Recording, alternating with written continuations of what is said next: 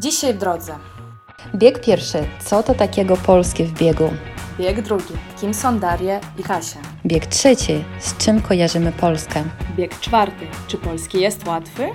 Bieg piąty. Czy kanapka to mała kanapa? Zapinamy pasy i ruszamy w drogę. Пристегиваем ремни и двигаемся в дорогу. Cześć, Dasza. Siema Kasiu. Witamy! Добро пожаловать! С вами первый выпуск подкаста «Польский на бегу». Z wami pierwszy odcinek podcastu Polski w biegu.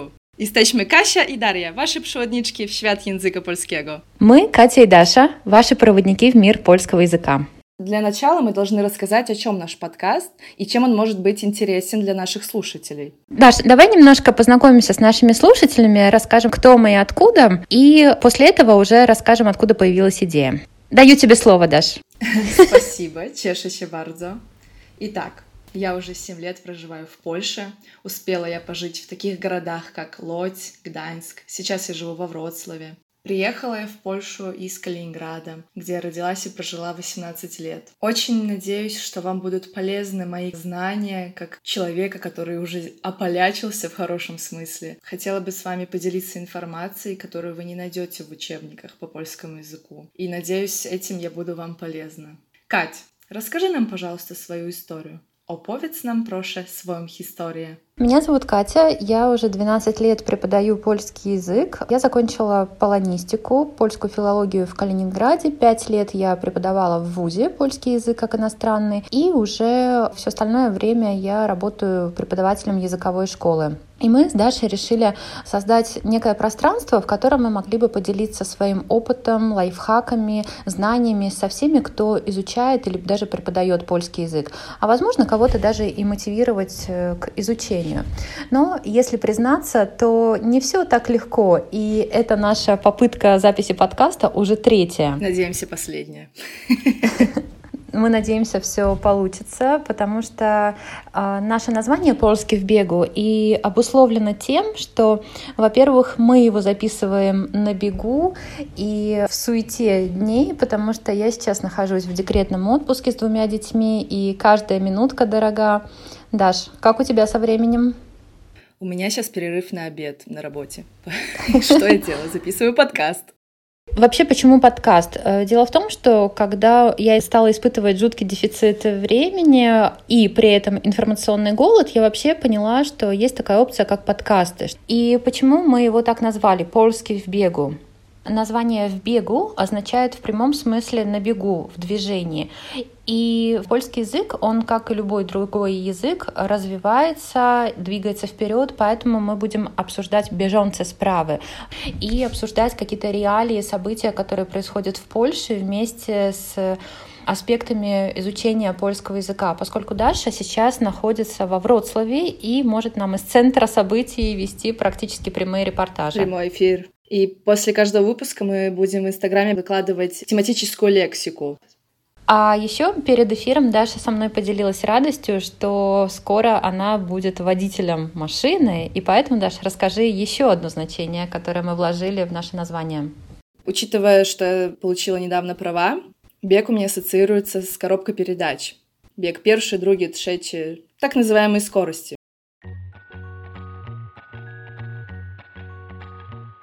Даш, поскольку мы заговорили уже про ассоциации, давай вообще расскажем о том, какие были у нас ассоциации до того, как мы стали изучать польский язык. Даш, когда ты еще была школьницей, что вообще ты представляла при слове Польша? Польша — это дешево и сердито. Польша — это большие порции в кафе. Это наесться салатиком.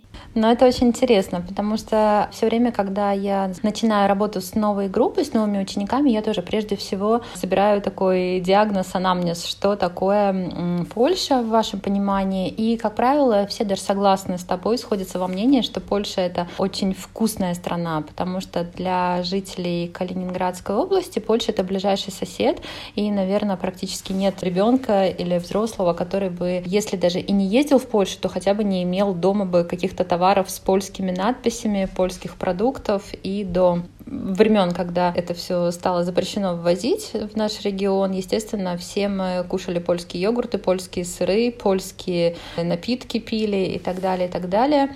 Ну и, естественно, многие, кто уже поездили по Польше, попутешествовали, они говорят о замечательных ландшафтах Польши, потому что, несмотря на то, что эта страна не очень большая, допустим, если сравнивать ее с Россией, она очень разнообразна в своих рельефах. Там есть и море, и горы, и озера, и равнины, каждый найдет что-то для себя, но а, при этом у каждого, наверное, своя дорога к изучению польского языка, потому что у меня однажды была ученица взрослая, которая изучала польский язык из-за того, что она обожала песни Анны Герман, певицы. А, молодое поколение любит игру компьютерную «Ведьмак», например, или книгу фэнтези. Кто-то начинает изучение польского из-за того, что ему это нужно для работы, для учебы. Кто-то увлекается наукой и видит свою деятельность в Польше как научного какого-то сотрудника. То есть у всех, естественно, разные горизонты, но э, польский язык, вообще любой иностранный язык, это ключ, который нам помогает открыть какие-то двери. Это не цель, а это средство для реализации своих каких-то планов. Даш, когда ты начинала изучать польский язык, как он тебе вообще казался, сложным или легким? Когда приезжаешь в Польшу, смотришь на товары в магазине, что хлеб — это хлеб, телевизор — это телевизор, и поэтому, казалось бы, что тут может быть трудного? Конечно, мы, как славяне, поймем и чеха, и поляка, и болгарина, и украинца, и белоруса, потому что наши языки имеют общие корни в лексике, наша грамматика сходна. Польский язык относится к западным славянским языкам, так же, как, например, и чешский язык, а русский — к восточнославянским языкам, как белорусский и украинский языки. Прежде всего, у нас разный алфавит. Поляки пишут латиницей, мы пишем кириллицей. Поэтому, если поляка, который не учил русский язык в школе, попросить прочитать русский текст, конечно, это будет сложно. Мы все-таки имеем более выигрышную ситуацию здесь, поскольку мы изучаем, как правило, английский, немецкий в школе, и с латинским алфавитом мы знакомы. Конечно, есть довольно-таки много различий английского, например, и польского алфавита. Об этом мы поговорим в следующий раз. И я бы сравнила наши все славянские языки с какими-то блюдами из муки, то есть пельмени, сдобная булочка, квас, блины — это да, все сделано из муки, но при этом вкус кардинально разный. Также и наши все славянские языки. Мы друг друга можем чем-то понять, ментально мы, возможно, близки, но при этом нельзя сказать, что если мы приедем в Польшу, мы сразу заговорим или же поймем поляка. И, естественно, важным моментом являются ложные друзья переводчика, о которых мы сегодня хотели поговорить.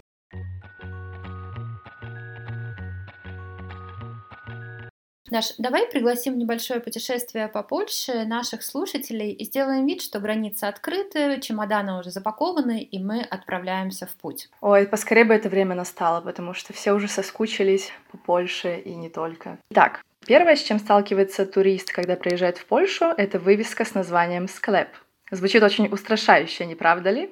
Что же это такое? Склеп — это магазин. Вы можете встретить отдельный склеп, либо же склеп медичный. Склеп споживчий, продуктовый магазин. Даш, а как же сказать тогда склеп в нашем русском понимании, как он будет по-польски? Склеп на польском это гробовец, либо крипта. Также есть еще польское слово магазин, которое тоже переводится не так очевидно, и это склад. Да, это очень интересное слово, потому что склад — это состав который мы можем увидеть на практически всех продуктах. Скład на przykład chleba, скład шампуну, чоколады и так далее. А, но я думаю, что это довольно-таки уже распространенное слово. Еще такой же распространенной надписью, которая сразу, наверное, ошеломляет русскоязычных туристов, это салон уроды, потому что урода по-польски это красота. Глагол уродить родиться, наверное, обозначает априори э, появление на свет прекрасного человека, а не как у нас урод слово имеет негативную коннотацию. Итак, мы проехали все эти, на первый взгляд, страшные и удивительные вывески и прибываем на вокзал, который по-польски звучит как «двожец».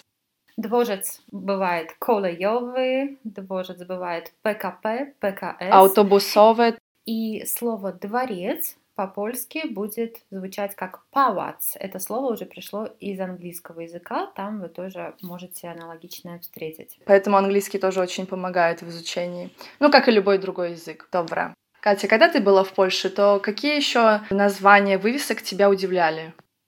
Ну, я помню, удивительно было э, зайти в магазин под названием «Антиквариат» и увидеть, что там нет каких-то латунных ваз или медных подносов, а что это просто книжный магазин. Там могут быть либо подержанные книги, либо книги, которые просто продаются на большой скидке. Всем рекомендую.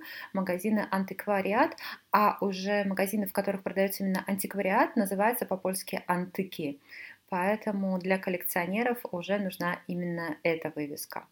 Даш, ну, если мы отправляемся за покупками, наверное, прежде всего мы пойдем в продуктовый магазин «Склеп споживчий». Что там нас может удивить и тоже в чем мы можем запутаться? Да, теперь, когда мы знаем, что склеп — это магазин, можно спокойно туда прийти. И встречаемся там с таким отделом, как овоце и воживо. Тогда мы думаем, это овощи и что-то еще. Все не так просто. Овоце – фрукты, warzywa – овощи. А овоце моря – это морепродукт. О да, фрутти ди маре тоже это калька из итальянского языка. Поляки тоже ее просто перевели спокойно на польский язык и спокойно пользуются этим словом. Просто не заморачивались, да, и перевели. Так, какие у нас бывают овоцы? Фрукты, напоминаю. Лимонка, лайм. Цитрина, лимон. Я помню, что меня очень насмешило название хурмы. По-польски она называется каки. Кстати, Катя, может быть, у тебя есть способ на то, как все-таки одружнить овоцы от э, важив? Потому что когда я только приехала в Польшу, то для меня это становило певен проблем. Да, когда я еще начинала изучать польский в школе, я тоже эти слова путала, и здесь мне очень помогла визуальная память. Когда я в магазине, у нас еще продавалось очень много польских продуктов в те времена, и я видела надпись «йогурт овоцовый» або «шампон о запаху овоцовым, и я понимала, что вряд ли я сейчас буду есть какой-то овощной йогурт или мыться овощным шампунем, поэтому я поняла, что овоцовый и слово овоц относятся к фруктам. А как же тогда будет ягода на польском? Ягода? Ягода — это черника, а вообще ягоды, как правило, называются либо овоцы лещные, как лесные фрукты, либо просто овоцы, и их не выделяют в отдельную группу. Поэтому йогурт ягодовый — это черничный, конкретно черничный йогурт. Ага. Даш, если мы еще в продуктовом магазине хотим купить что-то для ребенка, можем купить ребенку леденец, то есть лизак, от слова «лизать». Пример — это может быть киндер-сюрприз, который по-польски называется киндер несподжанка. То есть часть слова э, взяли поляки из немецкого языка, часть слова из польского. Несподжанка — это сюрприз. Либо, если у ребенка болит горло, мы можем купить ему, увага, таблетки до ссания, таблетки для рассасывания. И глагол «сать» переводится как «сосать», а еще прекрасное однокоренное слово это млекопитающие саки. Соответственно, мы wszyscy jesteśmy ссаками. Так, bardzo śmiesznie. Даш, но мы же не можем идти в магазин с пустыми руками, без денег. Мы обязательно должны с собой взять кошелек. Но с этим тоже не все так легко. Потому что кошелек — это портфель. Портфель — это плецак. От слова плецы — спина.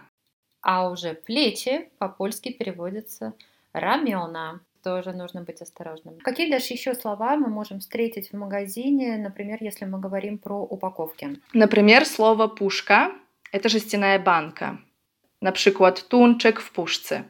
Но если мы говорим о стеклянной банке, тогда мы mamy do czynienia ze słoikiem. Słoik огурков. Так, еще есть слово «бутелька». Как вы думаете, как оно переводится? Вы, наверное, ждете подвох но оно переводится как бутылка. Иногда значение может быть абсолютно таким, как мы и подразумеваем. Также, Даш, я еще вспомнила, что, например, слово «дыня» тоже имеет другое значение, это тыква. Соответственно, зупа дынева — это не дынный суп, а тыквенный суп. И символом Хэллоуина является как раз-таки дыня. Поэтому тоже такую запоминалочку себе можно в голове зафиксировать. Еще есть очень похожие слова, как шметана и шметанка. Наверное, можно подумать, что шметанка — это уменьшительное ласкательное слово от шметаны, но нет. Потому что шметана — это густая сметана, а шметанка — это сливки. У меня был один забавный случай, когда я только приехала в Польшу, я пошла в бедронку по шметаны для драников. На полке я, как говорится, перший лепший, увидела упаковку с надписью «Шметанка». Со спокойной душой ее купила, а потом, когда открыла упаковку, там оказались сливки. Поэтому одна буква может менять целый смысл слова. И я думаю, что тоже многие жители Калининграда вспомнят, как у нас продавался сметанковый сыр, потому что переводчики не утрудились перевести, что это сливочный сыр, и так и написали сметанковый. Но... А вообще, угульне поляки любят употреблять уменьшительные ласкательные слова. Например, Кот — это котек, песек, пивко, импреска. Но, как видите, в случае шметана, шметанка это уже не работает. Это уже совершенно два разных слова. Например, Катя, если я приду в пекарню, скажу попрошу канапе с сыром. Может, на первый взгляд, показаться, что Даша хочет съесть огромный бутерброд с сыром, но нет. Канапа — это диван, и на диване мы можем перекусить этим бутербродом, но канапа и канапка то są абсолютно różne rzeczy, да, то есть слово канапка, оно пришло из французского канапе, обозначает бутерброд, а канапа — это диван, на котором мы можем этот бутерброд съесть, поэтому, да, не всегда суффикс «ка» у нас что-то уменьшает, об этом мы тоже поговорим а, в следующих выпусках, потому что уменьшительно-ласкательные суффиксы — это просто любовь поляков, и иностранцев это тоже иногда застает врасплох.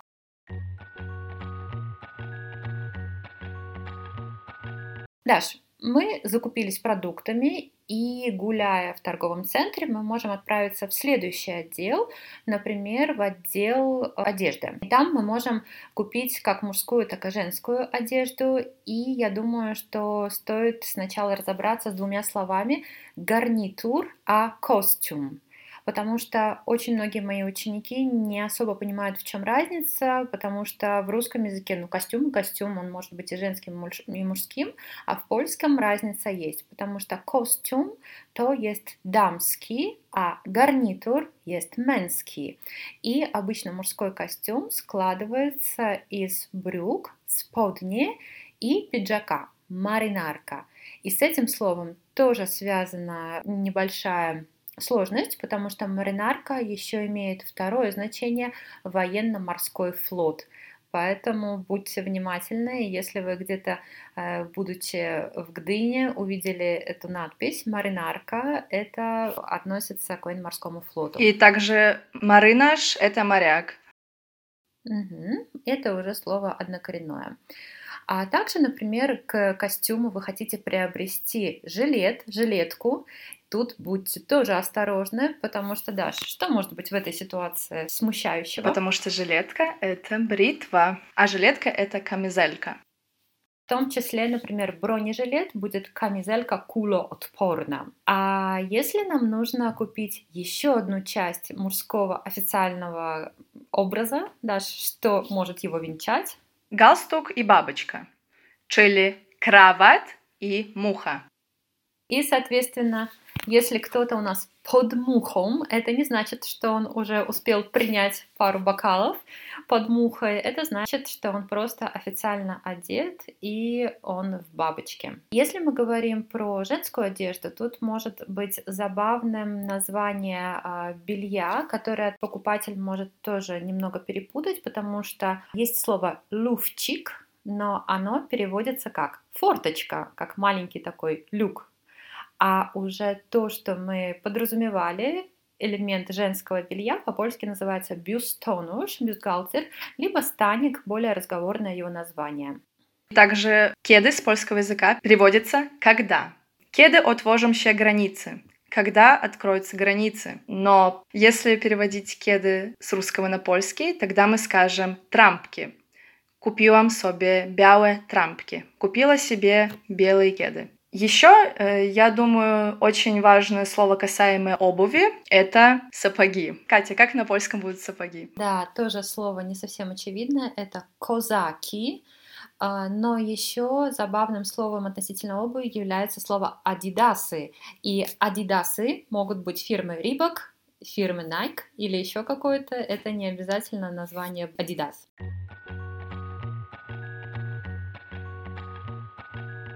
Вот мы нарядились, но для нашего образа еще не хватает бижутерии. Бижутерия по-польски это любые украшения, даже золото, платина, бриллианты.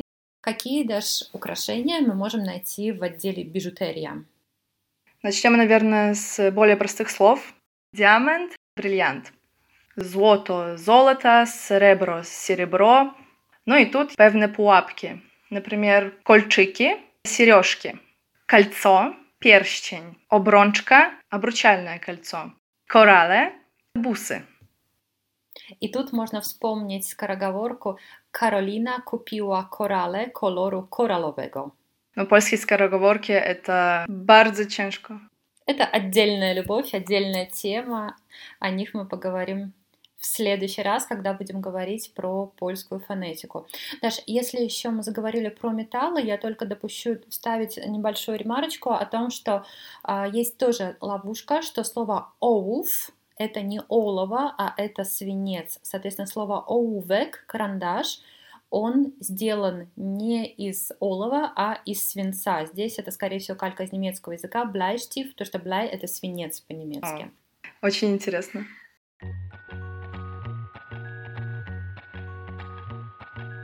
И тут мы красивые, нарядные, с украшениями, можем отправляться на обед в кафе, в ресторан, но там тоже все не так легко. Вот именно. Когда я начинала свой путь в Польше, я пришла в кафе и говорю «попроще меню». Тогда меня поправили и сказали «мэни», так? Тогда заметила, что поляки говорят «мэни». Ой, да, это французские все заимствования, соответственно, жюри по-польски «жюри» и так далее, и так далее. Об этом тоже мы поговорим в следующий раз. И что же, даже в этом меню ты увидела интересного, который мы можем также назвать карта дань, ядоспис? Dokładnie, так. Одно из блюд, которым славится Польша, это вареники. Но вареники — это пироги. Мой друг мне рассказывал, когда он был в Польше, в меню было написано «пироги 8 штук». И он подумал, что сейчас ему принесут 8 пирогов, и очень удивился, когда ему принесли 8 вареников. Trzeba uważać. То есть к чаю пироги мы не заказываем, потому что это не пироги, а пироги даже как по-польски будут? Часто. То есть это не значит, что мы их едим очень часто или редко, потому что часто это будет często, а уже часто это либо пирог, либо тесто. Мы тоже можем этим словом назвать. Например, часто на пицце. Kawałek ciasta.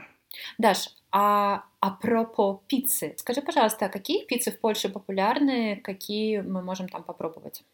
Самая очевидная пицца с кiełbasą, с шинком, салами. Но некоторые предпочитают также овоцы моря, наши любимые морепродукты. Ой, пышne, то я uwielbiam. Tutaj też się zaczynają schody, потому что если вы хотите заказать пиццу с анчоусами, вы должны сказать Попроще пиццы с аншуа. Именно так звучит это слово на польском. Аншуа. Да, забавное французское произношение. Даш, ты что-то сказала про лестницу или мне показалось? Так, выражение «зачинающие сходы» переводится как «начинаются трудности». Спасибо, Даш. Также я отреагировала словом «пышный» на Дашино предложение попробовать пиццу с морепродуктами, потому что «пышный» — то «bardzo смачный». «Пышный» — это очень вкусный. Еще поляки любят говорить э, пыха, пыхотка. Тоже однокоренные слова для обозначения невероятно вкусных вещей. Да, что еще мы можем вкусного попробовать в польских кафе и ресторанах? Также мы можем встретиться с такой позицией в меню, как печень вепшова. О какой печени здесь идет речь? Но нет, печень — это жаркое, а печень, как будет на польском? Вон трубка, ale tego akurat ja nie lubię. Я też не люблю.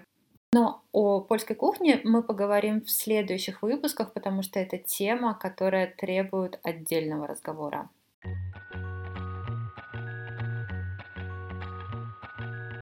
Даш, мы вкусно пообедали, и у нас появились силы еще сделать какие-то покупки. Мы отправляемся в магазин IKEA, и что мы там можем купить, и что нас там может подстерегать. Да, IKEA — наша милость. Например, вам нужно купить новую люстру. И спрашиваете у сотрудника магазина, проще показать люстру. И он вас проводит в отдел с зеркалами. Он не ошибся, потому что люстро по-польску — зеркало. Если нам нужна именно красивая хрустальная люстра, как в театре, тогда мы скажем «жерандол». Но если это обычная люстра, то по-польски даже как бы мы ее назвали?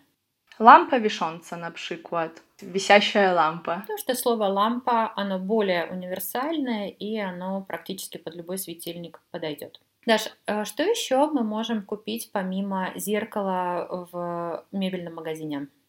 Например, нам нужен стул, но стул по-польски кресло. Кресло — это фотель, але выбух мозгу. Надеюсь, что наши слушатели еще с нами. Даш, давай еще раз. Стол по-польски это... Стул. Либо, если он небольшой, то это... Столик, например, столик кавовый. Если нам нужно купить стулья в кухню, стул будет кресло.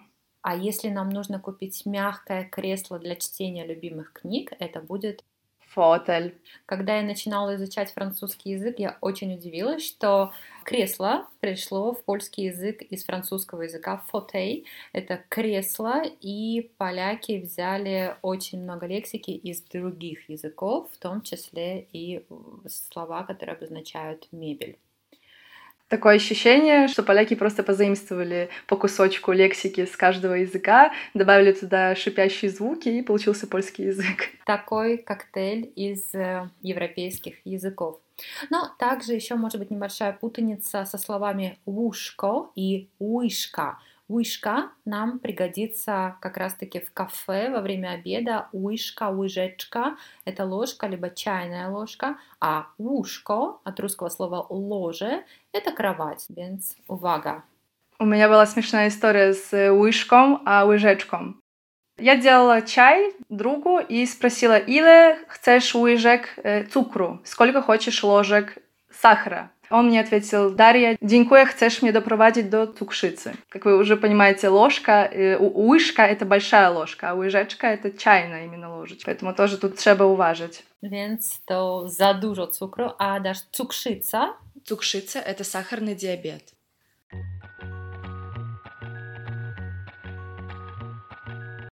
И вот мы накупили целый багажник вещей, час наивысший, как раз-таки время отдохнуть. Даша как раз-таки вчера вернулась из польских гор, отдыхала несколько дней, и Даш, что там интересного может нас встретить? Какие слова? Была маювка, было файне, Маювка по-польски это майские праздники. Отдыхали мы в горах. Так как не сезон, мы не смогли покататься на лыжах. Если вы когда-нибудь приедете в Польшу отдыхать зимой, вы захотите, например, взять лыжи на прокат. Но вы не знаете, как же будут лыжи на польском. Мы помним, что много слов в русском языке похожих на польский. Ну, и вы можете так и спросить. Strzelić sobie, угадать. Я попрошу лыжи или лыжи, там уже как душе угодно. И вам говорят, так, добже. Вы радуетесь, что вас поняли. И через минутку вам приносят Тадам, коньки. А почему, Катя? Почему же так вышло? Потому что здесь тоже ложные друзья переводчика вступают в игру. Лыжвы — это коньки, соответственно, ездить на лыжвах — это кататься на коньках, а вот, соответственно, кататься на лыжах, то będzie ездить на нартах. Но если мы говорим уже про зимнюю лексику, то тут обязательно нужно упомянуть два забавных слова. Это слово бауван, которое очень любят дети, потому что улепить баувана — это слепить снеговика, либо даже еще сопле, сосульки. Тоже очень забавно. С даху звисаем сопле. Даш, но э, приближается летний сезон, и скорее мы выберем пляжный отдых польское побережье очень разнообразное, красивое. Ты тоже долгое время прожила на берегу Балтийского моря в Польше, и там тоже нас могут встретить интересные слова. Прежде всего, это слова наплыв и отплыв, которые обозначают приливы и отливы. И если еще мы говорим про пляж, мы можем там увидеть глазы. Гуазы — это большие камни, валуны, которыми пестрит пейзаж польского побережья. И я тоже, когда впервые слышала это слово, не совсем поняла, о чем речь, о ходи, потому что это слово я услышала из песни «Але te jesteś zimny jak lód, obojętny jak głaz». И тут я не поняла. Ты холодный, как лед, и равнодушный, как глаз, подумала я, око, и, наверное, какой-то синоним к этому слову, глаз, но потом я узнала, что глазы — это валуны, огромные камни. А камень тоже есть э, в польском языке. Камень то, на szczęście, камень. Угу. Камыки, камычки, то тоже. Часто в море может впадать река. В Польше это самая главная река Висла. И русло реки по-польски тоже называется забавно словом «корыто». И э, тоже около моря могут быть низинные территории, и там могут быть болота. И тут тоже будьте внимательны, потому что слово болото по-польски звучит как багно, а болото это слякоть, грязь, типичная калининградская и, наверное, порой польская погода, когда wszystko jest w błocie, wszystko jest brudne. А, еще хотела только добавить, что само слово «река» по-польски будет как «жека». Ну, как имя, может быть, Женя. А еще на море мы можем встретить dużo птаков, много птиц, одна из которых — чайка. Чайка на польском — мева. Натомест чайка с польского переводится как чибис, тоже птица. И тоже даже ты интересно упомянула про имена. Я думаю, что тут тоже можно сказать, что некоторые имена польские, они звучат забавно для русского уха, но также и русские имена, они очень смешат поляков. Например, польское имя Крыстына в уменьшительной форме звучит как крыся. То есть это никакая не крыса, э, не щур, а просто уменьшительная форма имени Кристина. Либо такое имя Михау Анел, оно, я думаю, что тоже удивит многих, потому что это никто иной, как Микеланджело.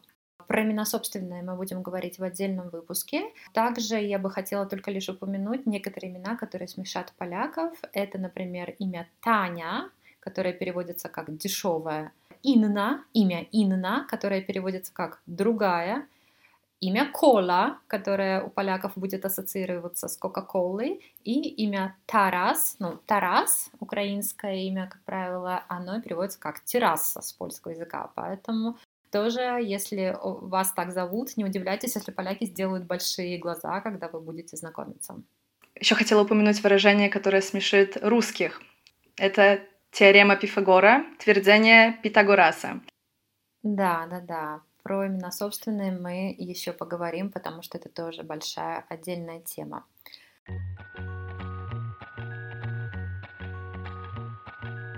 После такого насыщенного отдыха в горах, над морем, вкусно поели, теперь можем отправляться в другую страну, либо в другой город. Итак, едем на лотниско. Катя, jakie schody tutaj możemy spotkać?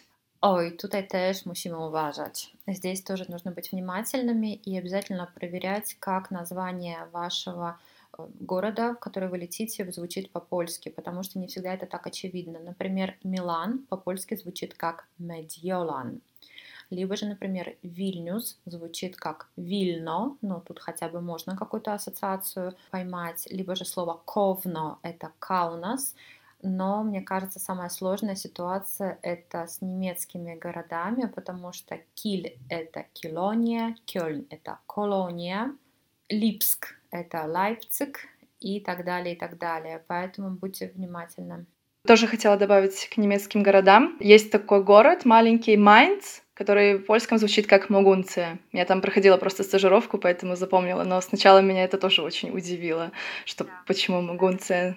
Да, не всегда найдешь на карте эти города, потому что, как правило, в русском, в английском они звучат э, все-таки ближе к оригиналу, а поляки берут именно спольшченные формы, уже полонизированные формы. Очень интересный пример связан с Калининградом, а точнее с Кёнигсбергом, потому что некоторые поляки Кёнигсберг называют Крулевцем. Крулевец. Если я с кем-то знакомлюсь и говорю, что я из Калининграда, там с Калининграду, то все понимают о Цоходе. Но если мы смотрим новости, обычно говорят Крулевец. Ой, ну то ciekawie. Не каждый калининградец даже знает, что наш город может абсолютно по-другому называться в польском языке. Ну что, Даш, наше путешествие подходит к концу, и, конечно, о ложных друзьях переводчика можно говорить бесконечно, потому что их, правда, очень много. Даш, может быть, какие-то еще слова тебе пришли в голову, о которых ты бы хотела еще немножечко рассказать? Ну да. В польском языке мы также можем встретить много смешных слов. Например, глагол «пукать», который означает «стучать». В университете перед деканатом, на дверях деканата вы можете встретить надпись «Проше не пукать» или иногда «Проше пукать», которая может вас реально засмущать. Ой, это правда смешно. Поэтому пук-пук — это тук-тук всего-навсего. Да. Катя, какие слова тебя смешат? Смешат меня и моих учеников такие слова, как, например, «просто падуа». Это никакое не ругательство, потому что «просто» — это прямо, падать — это падать, соответственно, просто падуа — это перпендикуляр, слово со школьной скамьи.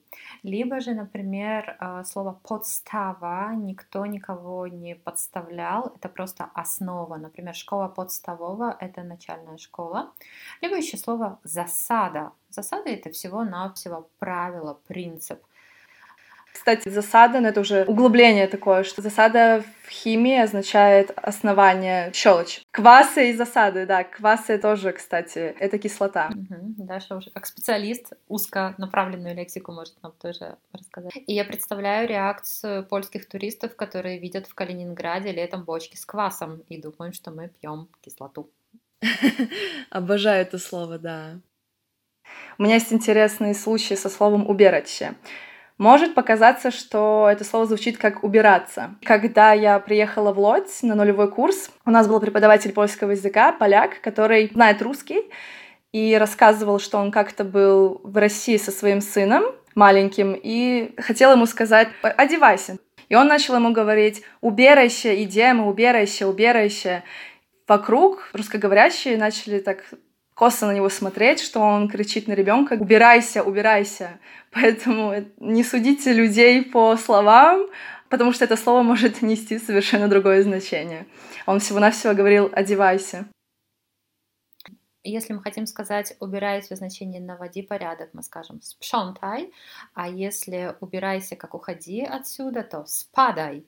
Поэтому в зависимости от того, что вы хотите сказать, выбирайте правильное слово. В этом плане, конечно, многозначность слов, она всегда подводит э, ленивых учеников, которые пишут сочинения через Google переводчик и пытаются переводить слова просто дословно. И, естественно, такие сочинения, такие упражнения сразу видно невооруженным глазом, потому что, например, какое-нибудь выражение э, типа «таким образом» переводится «таким образом», ну что ж, образ это образ, почему бы не перевести это дословно. Поэтому, да, не ленитесь, и когда вы изучаете язык, лучше изучайте это в контекстах, полными фразами или с управлениями слов, то есть что с чем сочетается. Есть даже специальный словарь э, слов, которые lubią, потому что э, слова, правда, должны друг друга любить, чтобы сочетаться и именно иметь то значение, которое мы в них вкладываем.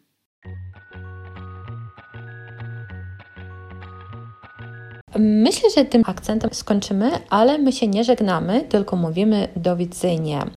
Мы не прощаемся, мы только говорим «до свидания», «до встречи». Если вы дослушали нас до конца, нам очень приятно, продолжайте в том же духе. Приходите к нам на Инстаграм «Польский в бегу», и там вы можете поделиться своими мыслями о том, какие темы было бы интересно рассмотреть в нашем подкасте. Расскажите о нас своим друзьям, а также поделитесь, какие у вас возникают ассоциации при слове «Польша». No to co, dobiegliśmy dzisiaj do mety? Przyjechaliśmy do mety. Или, как сказал один инструктор в автошколе, żyjemy. To na dzisiaj wszystko. Na razie, do usłyszenia wkrótce. Trzymajcie się ciepło.